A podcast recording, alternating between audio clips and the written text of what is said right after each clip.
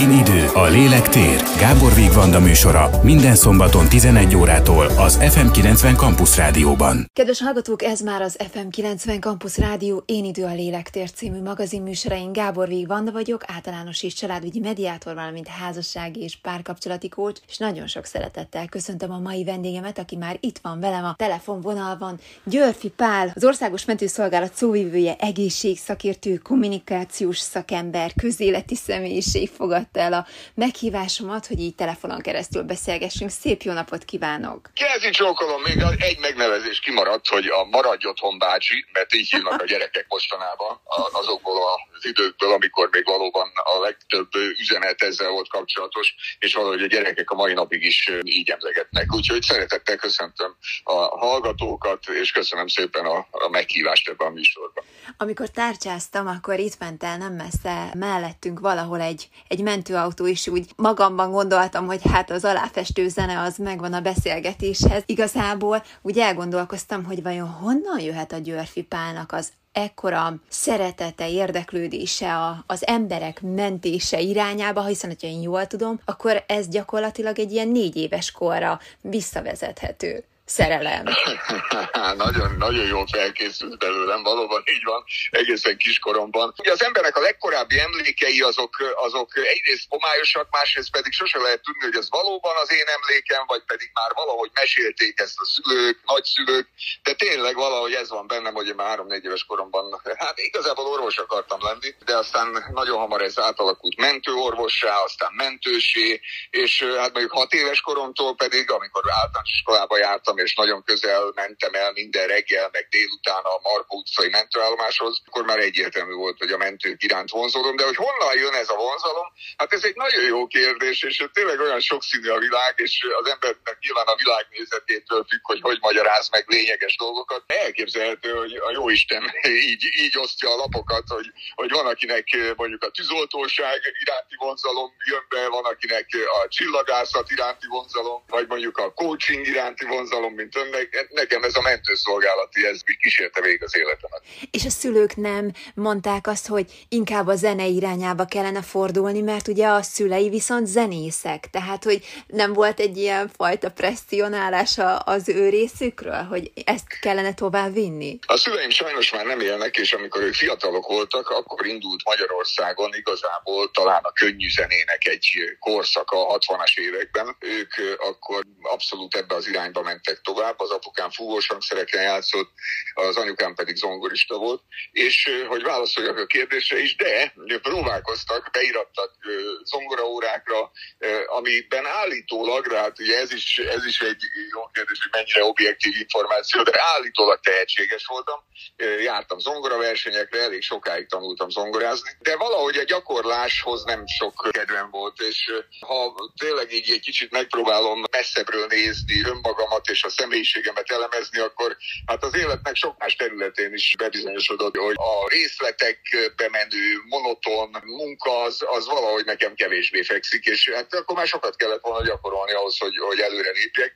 és én azt akkor, hát hogy is mondjam, abba hagytam, vagy, vagy lelazítottam, és viszont helyette elkezdtem gyártani saját dallamokat, meg a gimnáziumban aztán zenekart alapítottunk, amit szerintem a Campus Rádió hallgatói közül nem feltétlenül ismernek, úgyhogy elmondom, hogy a Madártej zenekar, ez akkoriban, hát az 1980-as évek, egy viszonylag ismert ilyen amatőr zenekar volt, legalábbis itt Pesten, de nem csak Pesten, mert jártunk koncertezni, és hát magával ragadott engem is ez az életmód, ami ugye az amatőr zenekarok és a hozzájuk kapcsolódó buliknak a hangulata. Ezt csak azért mondom, mert ez gyakorlatilag a, a tanulás rovására ment, és pont azokban az időkben, amikor az orvosi egyetemre kellett volna készülnöm, akkor én ehelyett nagy imádattal jártam az országot a vadártér zenekarra, és így aztán nem vettek fel az orvosi egyetemre, amit én akkor persze egyrészt szomorú voltam, másrészt pedig a szempontból örültem, mert akkor már is beleugorhattam abba, amit pici koromtól szerettem volna csinálni. Tehát 18 éves koromban érettségi után, egy gimnáziumban érettségiztem, már is jelentkeztem a mentőszolgálatnál, mentőápolói munkakörbe. Ugye ez egy más történelmi időszak volt, és akkor nagyon nehéz volt bekerülni a mentők közt. Tehát kifejezetten sorban állás volt, és nehéz volt bekerülni. Nekem sikerült, és akkor megkezdhettem a szolgálatomat itt a Markó utcai központi mentőállomáson. Az első hónapok azok azzal teltek, hogy gyakorlatilag néztem a mentőautók belsejét, de nem csak néztem, mert elég korán adtak kezembe felmosorongyot is, és akkor amikor visszajöttek az esetből a mentőautók, akkor én lehettem az, aki újra kimondó képes állapotban az hozzá a kocsit, ami csak azért mesélek el, mert tök jó iskola volt arra, hogy megismertem, a mentőautókkal dolgoztunk, akkor minden apró zegét zugát megismertem a kocsinak, és hát imádtam, amikor végre néhány hónap elteltével már felengedtek az autóra, úgyhogy kimehettem esethez. Az a mai napig is egy ilyen katartikus élményként maradt meg bennem egy, egy ilyen gyönyörű emlék, boldogságérzés, vagy flow érzés, amikor, amikor először ülhettem úgy a mentőautóban, hogy már én voltam az igazi mentős, és a Nízáknak volt egy tetőablaka, amin keresztül a kék lámpa, a tetőn levő kék lámpának a fénye így bevillogott a kocsi belsejébe, és hát ez egy olyan pillanat volt az életemben, ami, ami szerintem emlékezetes maradt örökké. Ebben egyébként az a fantasztikus, hogy aki ennyire elkötelezett a, a szakmája iránt, akinek valóban hivatása a munkája, az ezekhez az élményekhez annyira tud kötődni, és annyira tud valamiféle dopingot adni a következő időszakra, vagy évekre, vagy akár évtizedekre, az az első ilyen meghatározó élmény, amire olyan jó visszaemlékezni, hogy szerintem ez is egy ilyen ajándék végül is, amit az ember meg tud élni, mert milyen rossz annak, aki meg nem tud ennyire kötődni a, a munkájához, vagy éppen csalódik benne, és aztán gondolkodnia kell, hogy mivel szeretne foglalkozni, de hogy ez ha megadatott, akkor ez egy, ez egy nagy plusz. Érdekes gondolat ez is, ami mentén el lehet indulni, és szerintem annyira induljunk is el, hogy ez gyakorlatilag mindenféle szakmára igaz, hogy egy idő után azért néha vissza kell nyúlni, szerintem érdemes tudatosan visszanyúlni ahhoz a motivációkhoz, vagy drive-okhoz, vagy indítatásokhoz, ami oda vitte az embert arra a pályára, hol erőt meríteni. Ez valóban így van, tehát ezek az emlékek is szolgálatnak erre a célra. Manapság olyan világban élünk, ahol a változás az egy nagyon fontos körülmény, hogy folyamatosan és gyorsan változik a világ körülöttünk, és egy ilyen gyorsan változó világban természetesen egy fontos képessége az embernek, hogy alkalmazkodni tudjon a változásokhoz, és ő maga is gyakran változzon és változtasson. Igen ám, de azt gondolom, hogy miközben ez persze így igaz, és manapság az emberek többsége gyakran vált munkahelyet, szakmát, mert erre rá is kényszerül, meg valahogy ez egy explicit érték, amit az emberek így képviselnek, de szerintem az is abszolút vállalható, hogy vannak olyan területek, vagy vannak olyan hivatások, amik mellett egy életen át is érdemes kikötni a hajónkat, és hogyha egy ilyen hivatást találtunk, amiben jól érezzük magunkat, amiben önazonosak lehetünk, akkor ott is lehet persze fejlődni, hiszen mindig egy picit jobban tudja csinálni az ember, hogyha visszatérhetek a mentőszolgálathoz, hát ha valaki 30-40 évig dolgozik mentőautóban, mondjuk ugyanabban a munkakörben, mondjuk mentőápolóként, akkor sem mondhatja azt, hogy ő már mindent látott, mert minden egyes eset más, minden helyzet más. Nekem tényleg mindig összeszorul a szívem, de, de pozitív értelemben is meghatódom akkor, amikor a mentők napján, ez május 10-én van mindig, kitüntetéseket adunk át, és a kitüntetések között mindig kapnak egy Kressz Géza emlékérmet, Kressz Géza alapította annak idején a Magyar Képes Mentőegyesületet, tehát a Kressz Géza emlékérmet azok kapják, akik már 40 évet lehúztak a mentőknél, bocsánat, hogy ezt a kifejezést használom, hogy lehúztak, tehát eltöltöttek, vagy végig dolgoztak, és 40 évig egy munkahelyen dolgozni, és ráadásul egy olyan munkakörben, ami aztán tényleg embert próbáló, fizikailag is, lelkileg is, azt szerintem egy fantasztikus teljesítmény. Tehát én, én akkor mindig meghatódom, nézem ezeket az embereket, és örül a szívem, hogy legalább egyszer életükben, tépöltönyben kijöhetnek, parlamentben szoktuk ezt az ünnepséget megrendezni, és akkor ott a parlamentben a gyönyörű falak között egy pillanatra ráirányul a figyelem, és, és egy készszorításra, meg egy emlékéremmel megköszönjük neki ezt a 40 évet, amit nyilván nem lehet méltó módon megköszönni, hiszen ebbe belefért egy csomó életmentés, de ha csak nem csak az ilyen, ilyen drámai helyzeteket nézzük, akkor is hát hány embernek nyújtott vigaszt 40 év alatt, hány embernek fogta a kezét a kritikus pillanatokban. Tehát csak egy gyönyörű hivatás, simán lehet 40-50 évig csinálni, úgyhogy az ember persze néha visszanyúl a gyökerekhez, de azért mindig új erőt merít. Most az jutott eszembe, hogy olyan kedves az a történet, hogy volt idő, amikor mást szeretett volna ugye ön is csinálni, de azért éjszaka titokba mégiscsak ott volt az a, az a mentőautó. Tehát, hogy csak dolgozott. Nem tudom, tudott-e ezt akadni tőle? Igen, valóban volt egy ilyen pillanat 20 éves koromban, amikor valahogy ráébredtem arra, hogy eddigi életemben én tulajdonképpen csak egy egy dolgot láttam, vagy egy dimenzióját a világnak. Ráadásul ugye a mentőknél, illetve az egészségügyben az ember azért a világnak ezt a fájdalmas dimenzióját látja, tehát ahol szenvedés van, ahol persze vannak örömteli pillanatok is, de alapvetően azért mégiscsak betegségekről szól a történet. És volt egy ilyen megvilágosodás pillanat, amikor rájöttem, hogy hoppá, hát a világban azért más dolgok is vannak, és gondoltam, hogy adok egy esélyt annak, hogy, hogy megnézem ezt a másik világot is és elhelyezkedtem akkor egy gyógyszercégnél. A gyógyszercégnél először orvoslátogatóként jártam a patikákat, meg az orvosi rendelőket, aztán marketinggel foglalkozhattam, és aztán pedig PR-rel elvégeztem különböző iskolákat is közben. De valóban így van, hogy nekem az nagyon fontos volt, hogy titokban azért mindig kedden éjszaka én beosontam a mentőszolgálathoz, ott volt egy ilyen részállásom, amit nem adtam föl közben, és hát bevallom, hogy, hogy tényleg ilyen ünnepi hangulatban kezdtem a szolgáltat mindig kedden este. A kollégák, akik viszont főállásban dolgoztak ott, azok ugye nem érezték ezt az ünnepi pillanatot, mert ők minden nap ezt csinálták, de nekem tényleg óriási dolog volt ez, hogy legalább egy éjszakára ott lehetek. És aztán pedig, amikor végül főállásban visszamentem a mentőköz, akkor egy pillanatra sem éreztem úgy, hogy, hogy elszakadtam volna, tehát igazából ez a folyamatosság, ez gyerekkorom óta megvan az életemben. Akkor már most csak az a kérdésem, hogy hogyan jött mindehez a világhoz a mentál higiénia fontossága? Fontossága. A lélek hát fontossága. Ez talán, ez talán önnek nem is kell mondani, de mentőtiszti főiskolát végeztem el. Egyébként a mentőtiszti főiskolát kevesen ismerik Magyarországon, ezt a szakmát is kevesen tudják a helyén kezelni, hogy mentőtiszt, mert ez egy igazi hungarikum, máshol a világon ilyen nincsen. Viszont Magyarországon jó, hogy van, három képzési helyen, Pécset, Nyíregyházán, illetve Budapesten eh, képeznek mentőtiszteket, akik diplomájukkal gyakorlatilag a sürgőségi ellátásban orvosi beavatkozásokat végezhetnek el. Nos, ezt az iskolát végeztem el én is annak idején, de akkoriban még valahogy úgy éreztem, hogy ez a képzés a maga négy évével nagyon jó felkészített mondjuk gyógyszertamból, megismertem a molekulákat, azoknak a élettani hatásait, megismertem az anatómiáját az emberi szervezetnek, és így tovább, de a lélekről kevesebbet tanultunk, Miközben azt abszolút tapasztaltam minden nap, hogy a mentő esetek közül 10-ből 9 esetben inkább a beteg lelkével kell foglalkozni,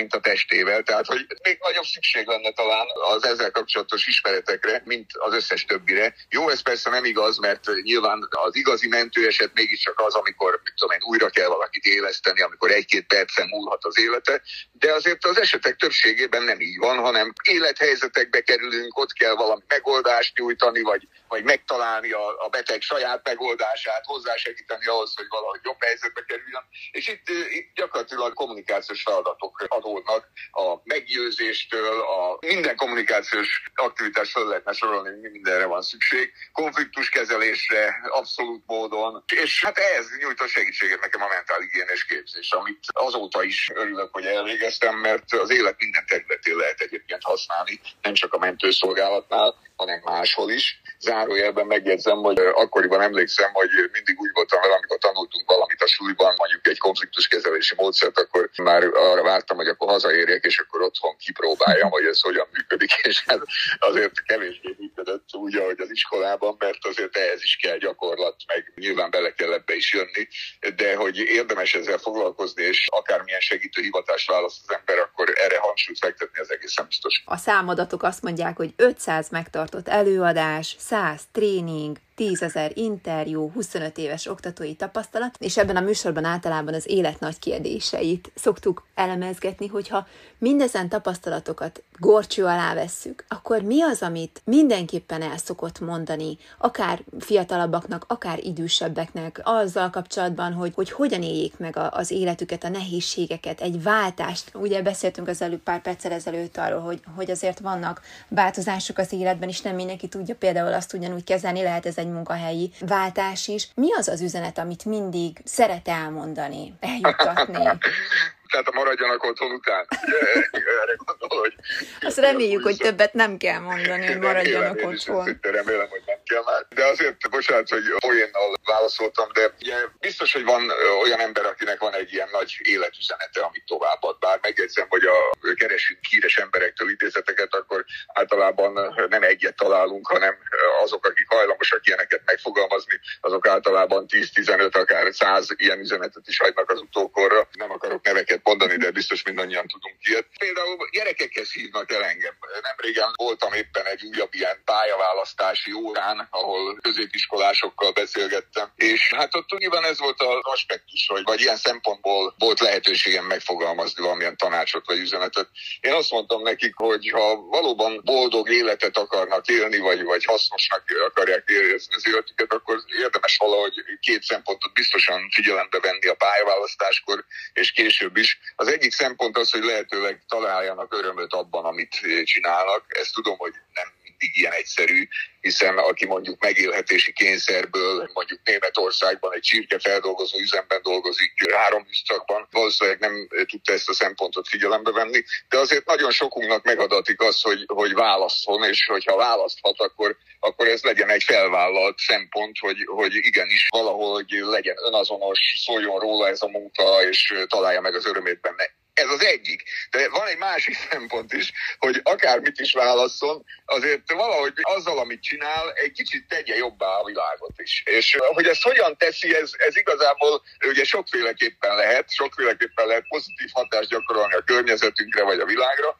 Ebben már én nem akarok konkrétabb tanácsot adni, de legyen ez is szempont, mert azt tapasztaltam az eddig életemben, hogy aki csak a saját örömével van elfoglalva, vagy csak a saját élvezeteit hajszolja, az sosem éri el igaz igazán azt az állapotot, amire vágyik, tehát hogy valamiféleképpen tegyünk a környezetünkért és az emberekért, a világért, a jövőért, ez egy fontos második szempont. Ha már a gyerekek most megemlítődtek, akkor mennyire érzi egyébként ezt a fajta példakép szerepet, amikor a kicsik között van, mennyire néznek fel, hogy itt van egy igazi mentős, látszik az a csillogás a szemükben, és lehet, hogy tud nekik adni egy olyan fajta irányt, hogy valaki azt dönti el, hogy akkor ő is keddenként, ha más nem, akkor éjszaka, de titokban, de ott lesz és segíteni akar.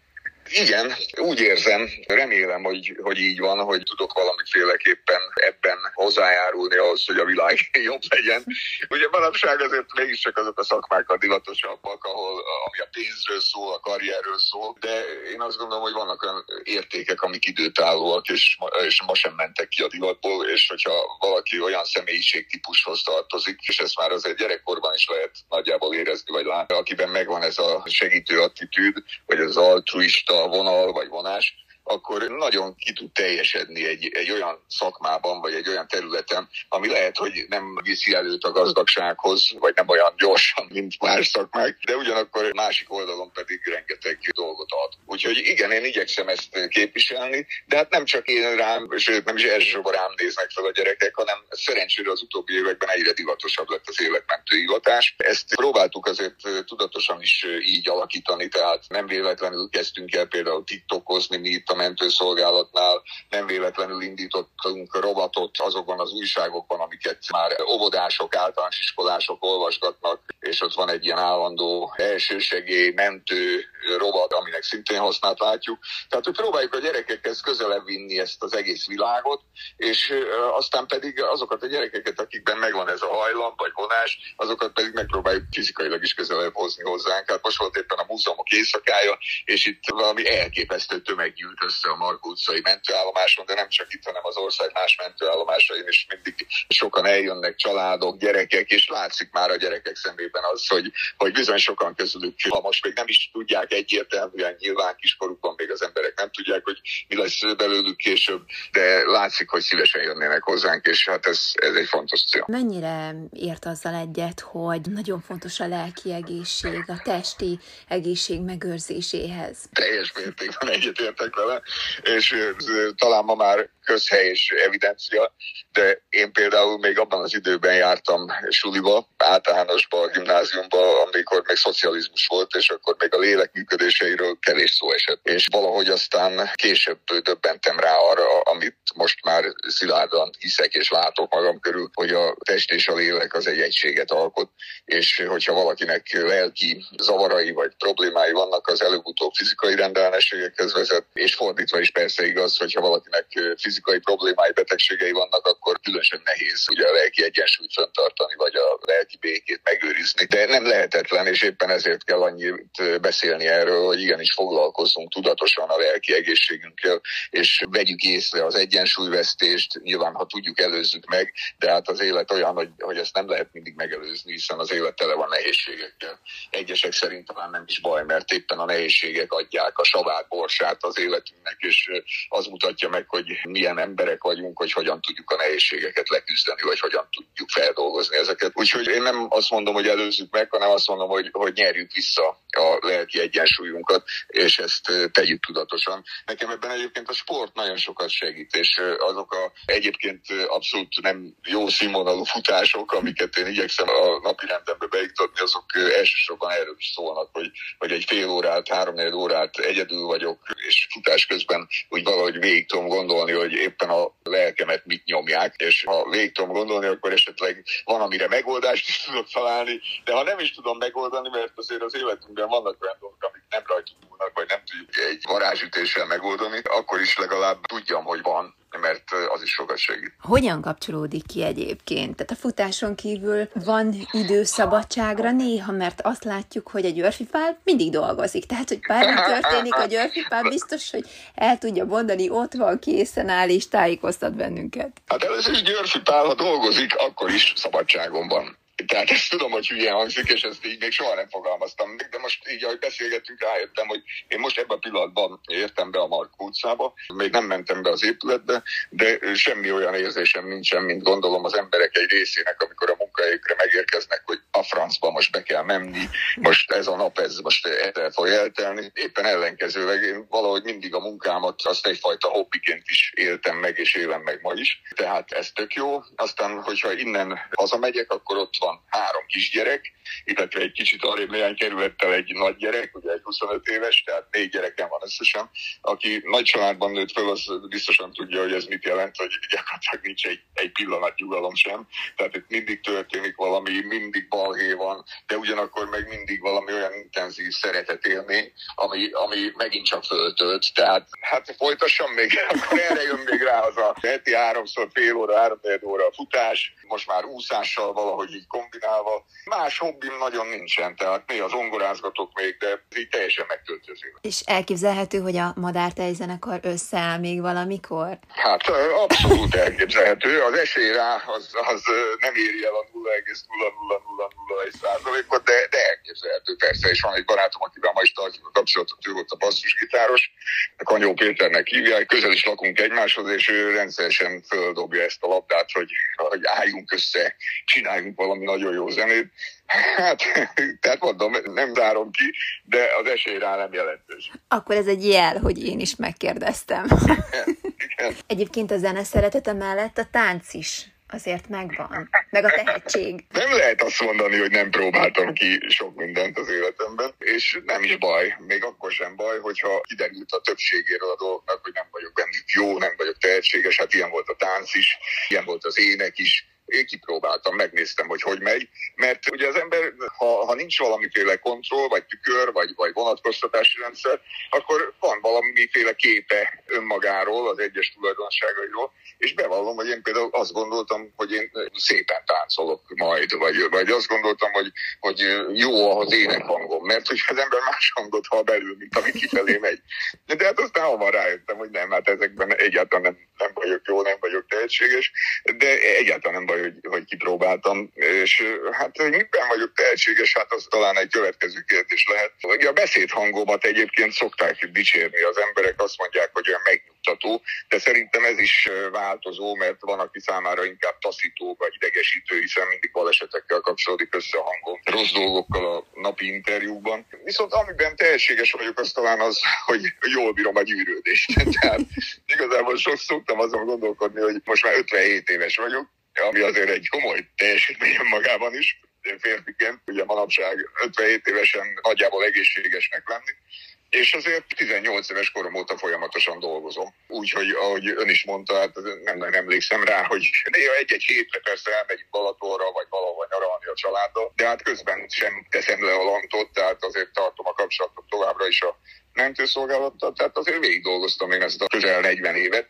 és ahhoz képest hála jó Istennek egész jól meg vagyok, és a kisgyerekeimnek is még tudok aktív apukájuk lenni, úgyhogy talán ez a legnagyobb teljesítményem. De akkor ehhez mégiscsak visszakanyarodhatunk oda, hogy hozzájárult az is, hogy ez egy örömmunka. Biztosan, biztosan, de emlékszem azokra a 25 év mentőzés Budapesten, abból egy jó ideig mentőápolóként, ami fizikailag is azért komoly meló, mert ugye emelgetni kell a hordágyat, nagyon sok embernek a gerince tönkre megy ettől az emelgetéstől, akkor azok az éjszakák, amikor egy éjszaka mondjuk 8-10-szer riasztják az embert, télen, a hóban, stb. stb. Ez egy komoly megterhelést jelent, és nyilván érzem is, tehát ugye ismerjük azt a közmondást, hogy 40 fölött, hogyha valaki úgy ébred, hogy nem fáj semmi, akkor el kell gondolkodni, hogy életben van egyáltalán. Hát valóban így van, hát azért én sem vagyok már százszázalékos, és itt fáj, ott fáj, de azért nagyjából, nagyjából egészségesnek érzem magam, és ez nagy ajándék. Maradjunk egy picit itt az emlékeknél, hogy Sose volt olyan alkalom, amikor kihívták egy esethez is, és annyira nehéz volt, vagy, vagy egymás után sok nehéz, traumatikus élmény volt, hogy azt mondja, hogy nem tudom már ezt elraktározni, vagy nem tudok ennyi mindent letenni, hogy férjen be az újnak az élménye, vagy az emléke. Mi segített ezeknek, a, ezeknek az emlékeknek, vagy képeknek, vagy élményeknek a feldolgozásában? Valószínűleg azért lettem szóvivő, mert van bennem valamiféle olyan extrovertáltság, ami az ilyen szakmákhoz egyébként valószínűleg alapfeltétel is, hogyha valaki nagyon introvertált alkat, nehezen beszél, nehezen nyílik meg, akkor egy szenvedés, hogyha ilyen munkakörbe kerül. Nekem viszont ez egyáltalán nem menne ezen. Ezt csak azért említem, mert ez a fajta extrovertáltság, könnyen megnyílás, ez a feldolgozásban is sokat segített mindig. Tehát, hogyha nekem volt valami nagyon negatív élményem, vagy egymás után jöttek a pofonok, vagy a negatív dolgok, akkor én ezt viszonylag jól ki tudtam beszélni magamból, ezt a lelki feszültséget, vagy megterhelést, vagy stresszt, vagy elhúzódó stresszt, és ez sokat segített. Ez a mentőállomáson is működött, ezért jó, hogy ilyen kis közösségek vannak a mentőknél, hogy egy eset után visszatérnek az állomás helyre, elmesélik a többieknek, hogy mi történt, ez másokat segít.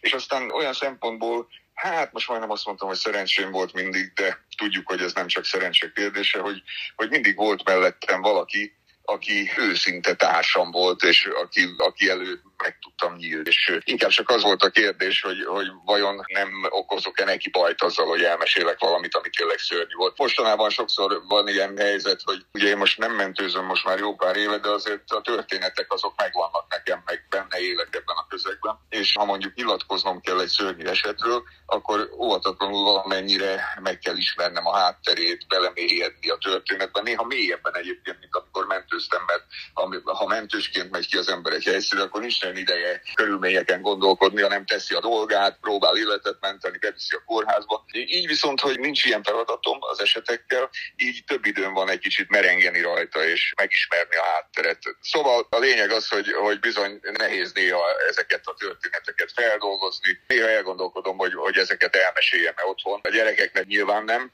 vagy sokszor nem mesélek ilyeneket, de mondjuk a feleségemet is igyekszem néha kimélni ettől. Van egyébként valamelyik gyermeknek olyan vágya vagy indítatása, hogy folytassa ezt a pályát négyőjük közül? Nagyfiamnak nem volt, pedig megkapta az esélyt, mert szinte minden hétvégén ott voltunk benne a mentőállomáson, amikor kicsi volt, abszolút benne volt ő is ebben a közegben, de valahogy nem, nem ragadta magával ő más irányba indult el. A kicsik még, meg még túl kicsik, tehát szerintem 8-10-12 éves korban lehet, hogy már érezni lehetne valamiféle hajlamot, én nem érzek rajtuk. Tehát az Aliza 10 éves kislányom, ő, ő néha eljátszik a gondolattal, hogy ő orvos legyen. Szülikat szívesen adna be, azt, azt tudom róla, de olyan igazi érett a személyiség gyökerező indítatást nem érzek rajtuk, de hát majd meglátjuk, hát még van ideig. Most már csak így a műsorunk végén muszáj megkérdeznem, hogy a, hogy a rengeteg feladat mellett, a zenélés, éneklés, tánc mellett mi az, ami még rajta van a bakancs listán, és szeretnék kipróbálni? ugyanezt kérdezte tőlem a feleségem is, hogy, hogy mik vannak az én bakancs listámon, hogy ezeket nem látja, hogy egyáltalán van-e nekem bakancs listám. Neki van? Neki, neki abszolút megvan. És valószínűleg ezt hiányolja, hogy, hogy nekem lehet, hogy tényleg nincsen.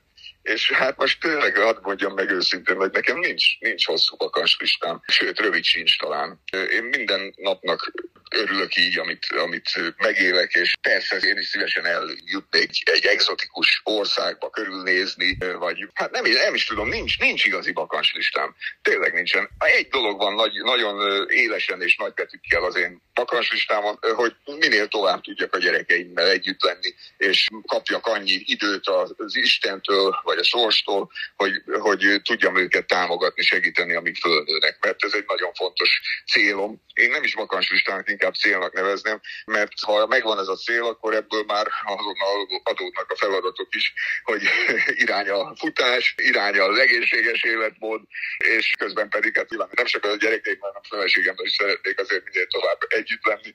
Úgyhogy inkább ezt a családi vonalat szeretném, ha lehet ilyet kívánni, akkor minél tovább vinni. Ez a legfontosabb cél. Olyan fantasztikusan jó példa az, hogyha valakinek ilyen célja van, és nem pedig mindenféle különböző dolgokat, hogy még ezt is szeretném látni, ide is szeretnék eljutni, hanem megtalálja az örömöt abban is, ami van, ahogyan van, és azt próbálja meg fenntartani. És ez annyira rit. Én szerintem ez egy ez egy nagyon példaértékű célkitűzés, hogy szeretem a munkám, szeretem a családom, és én annak örülnék, ha ez így, ahogy van, ez így megmaradna is, és hogyha még jön valami jó, annak örülünk, de hogy manasság inkább az emberek szerintem a negatív dolgok irányába figyelnek fel jobban, és néha olyan nehéz azt értékelni, ami van, és ezért nagyon jó az, hogyha valaki ezt meglátja pozitívan. Örülök, hogy, örülök hogy, hogy így érzi, és tényleg ez egy fontos lelki békefaktor az életemben. Egyébként biztos annak is megvannak az előnyei vagy hasznai, hogyha valakinek egészen konkrét nagy céljai vannak, bakancslistája van. Bár ilyenkor mindig eszembe jut az a mondás, ami biztos sokan ismernek, ami úgy hangzik, hogy boldogtalan ember az, ki feljutott a csúcsra, mert minden útja visszaút lett már, és minden lépte lefelé vezet. Úgyhogy a célok elérése az mindig egy kockázatos dolog, de úton lenni valami felé, az, az viszont egy, egy inspiráló dolog, és én azt gondolom, hogy, hogy folyamatosan úton vagyok most például a Markó utcai szoba felé, ahol már is elkezdem a, a következő feladatot. Nagyon szépen köszönöm, hogy beszélgettünk. Nagyon szép nyarat kívánok. Kevés munkát azért önöknek, mert az azt jelenti, hogy nincsen túl sok ember nagy bajban, és jó egészséget is. Nagyon szépen köszönöm a figyelmet, meg hogy, hogy rám gondoltak itt a műsorban, és mindenkinek azt kívánom, hogy, hogy maradjon egészséges, nem, ott, nem, nem az, hogy maradjon ott, hanem maradjon egészséges, és találja meg az életében a boldogságot, és találja meg azt is, hogy mivel tudja a világot jobbá tenni. Köszönöm szépen! Kedves hallgatók, ennyi volt már az Én idő a lélektér című magazinműsor itt az FM 90 Campus Rádion. Tartsanak velünk egy hét múlva is, ne felejtjék el, hogy ha nem maradtak volna erről a beszélgetésről, akkor visszahallgathatják az Én idő a lélektér Facebook és YouTube csatornáján is, valamint a Spotify-on is, vagy írhatnak nekünk, ha van kérdésük az én időkukat fm90.hu e-mail címre. Egy hét múlva újra várom Önöket, további kellemes rádiózást kíván a szerkesztő műsorvezető Kápor Vigvanda. Én idő, a lélek tér. Gábor Vigvanda műsora minden szombaton 11 órától az FM90 Campus Rádióban.